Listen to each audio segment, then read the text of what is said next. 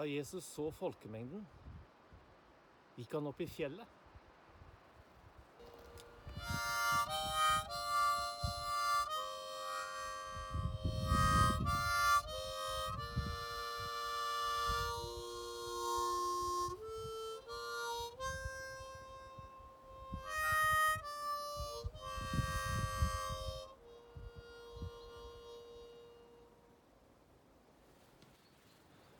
Da Jesus så folkemengden, gikk han opp i fjellet. Og det er slik innledningen til verdens mest berømte tale begynner, i Matteus 5. Og Bergprekenen er nettopp kapitlene 5, 6 og 7. Altså tre av i alt 28 kapitler i Matteus evangeliet. Matteus evangeliet er den første boken i Det nye testamentet. En perfekt overgang fra Gammeltestamentet. Det sies at Gammeltestamentet det peker fram mot Jesus, mens Nytestamentet peker tilbake på Jesus. I de siste versene av det siste kapitlet i den siste boken i Gamletestamentet så står det Se, jeg sender profeten Elia til dere før Herrens dag kommer. Den store og skremmende. Han skal vende fedrenes hjerter til barna og barnas hjerter til fedrene, så jeg ikke skal komme og slå landet med bann. I de første versene, i det første kapittelet, i den første boken av Det nye testamentet, så startes det med å liste opp forfedrene til Jesus. Fra Abraham via kong David og helt frem til Josef, Marias mann. Altså Jesu foresatte. Det er en tydelig forbindelse mellom Gamle testamentet og Det nye testamentet.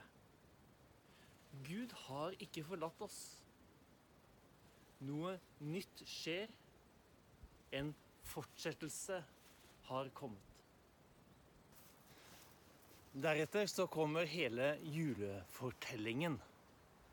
Du vet den som ender med at familien må flykte fra kong Herodes de er innvandrere i Egypt.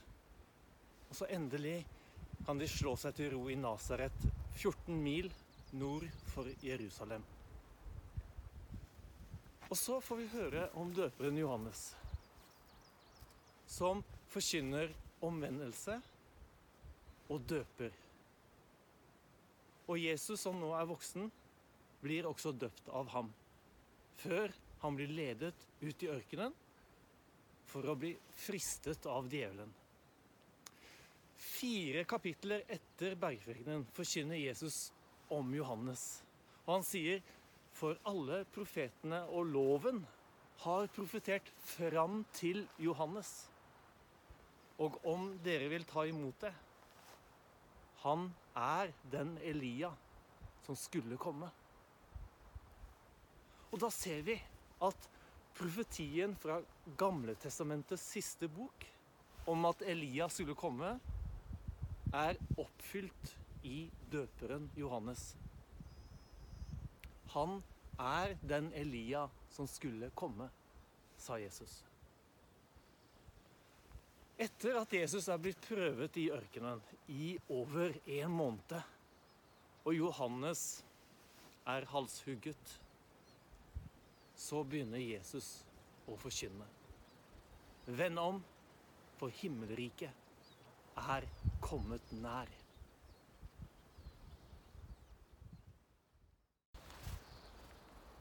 Nå får han sine første disipler, og slik eh, slutter kapitlet før bergprekenen. Siden dro Jesus omkring i hele Galilea. Han underviste i synagogen deres, forkynte evangeliet om riket og helbredet all sykdom og plage hos folket. Ryktet om ham det spredte seg over hele Syria.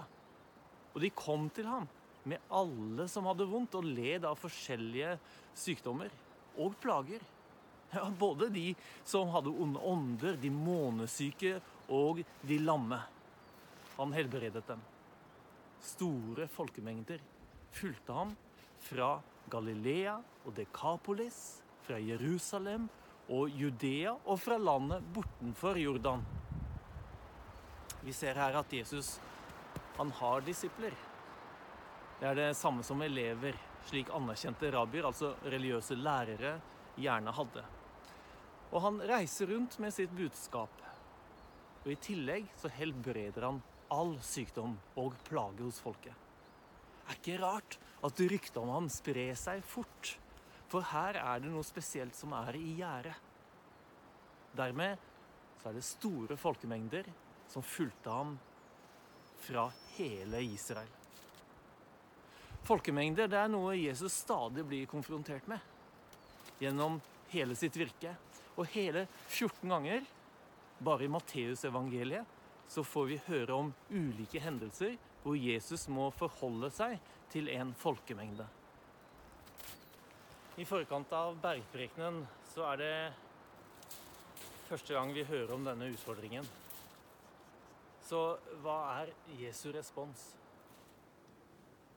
Hadde det vært meg, så ville jeg ha grepet anledningen til å formidle dette som var så viktig. Men det gjør ikke Jesus. Han trekker seg unna. Og så går han opp på fjellet. Og folkemengden og fjellet blir stående som eh, kontraster. Folkemengden, det er et bilde på folk flest. Folkemeningen, konformitet og tidsånden. Mens fjellet, det står for det hellige, stedet der Gud åpenbarer seg. Bare tenk på Moses og de ti bud. Eller når Jesus og disiplene er på en annen fjelltur litt senere, og Moses og Elia viste seg for dem og snakket med ham.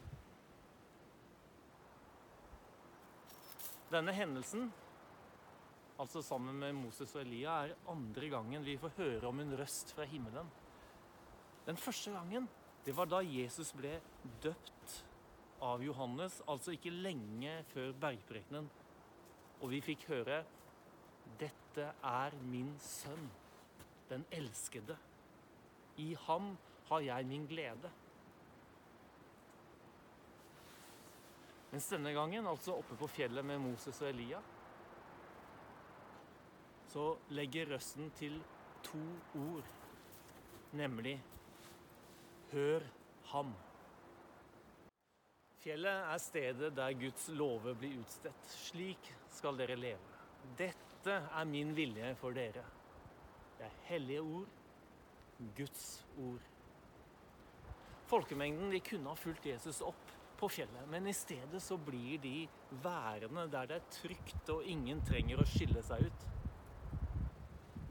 Folkemengden det er et behagelig sted å være. Her blir ingen utfordret mer enn det som er allment akseptert. Du blir anerkjent, du blir bekreftet som den du er. Det snakkes ikke om synd utover det som tidsånden maner til. Hellighet, som betyr å bli utskilt for en høyere hensikt, blir det bare fnyst av. For hvem tror du at du er? Prøver å være bedre enn folk flest?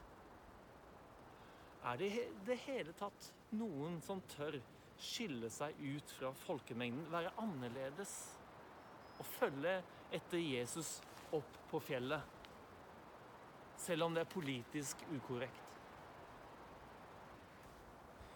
Innledningen forteller videre at Jesus setter seg når han kommer opp på fjellet.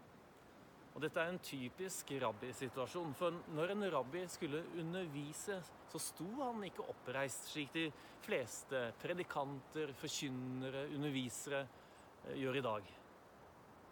Nei, de setter seg, mens disiplene, altså elevene, blir stående i respekt for sin lærer. Og det er nettopp det som skjer her.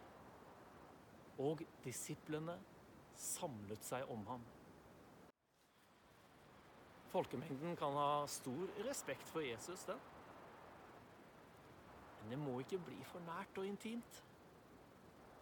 I motsetning til dem så er det slik disiplene vil ha det. Så nær Jesus som mulig.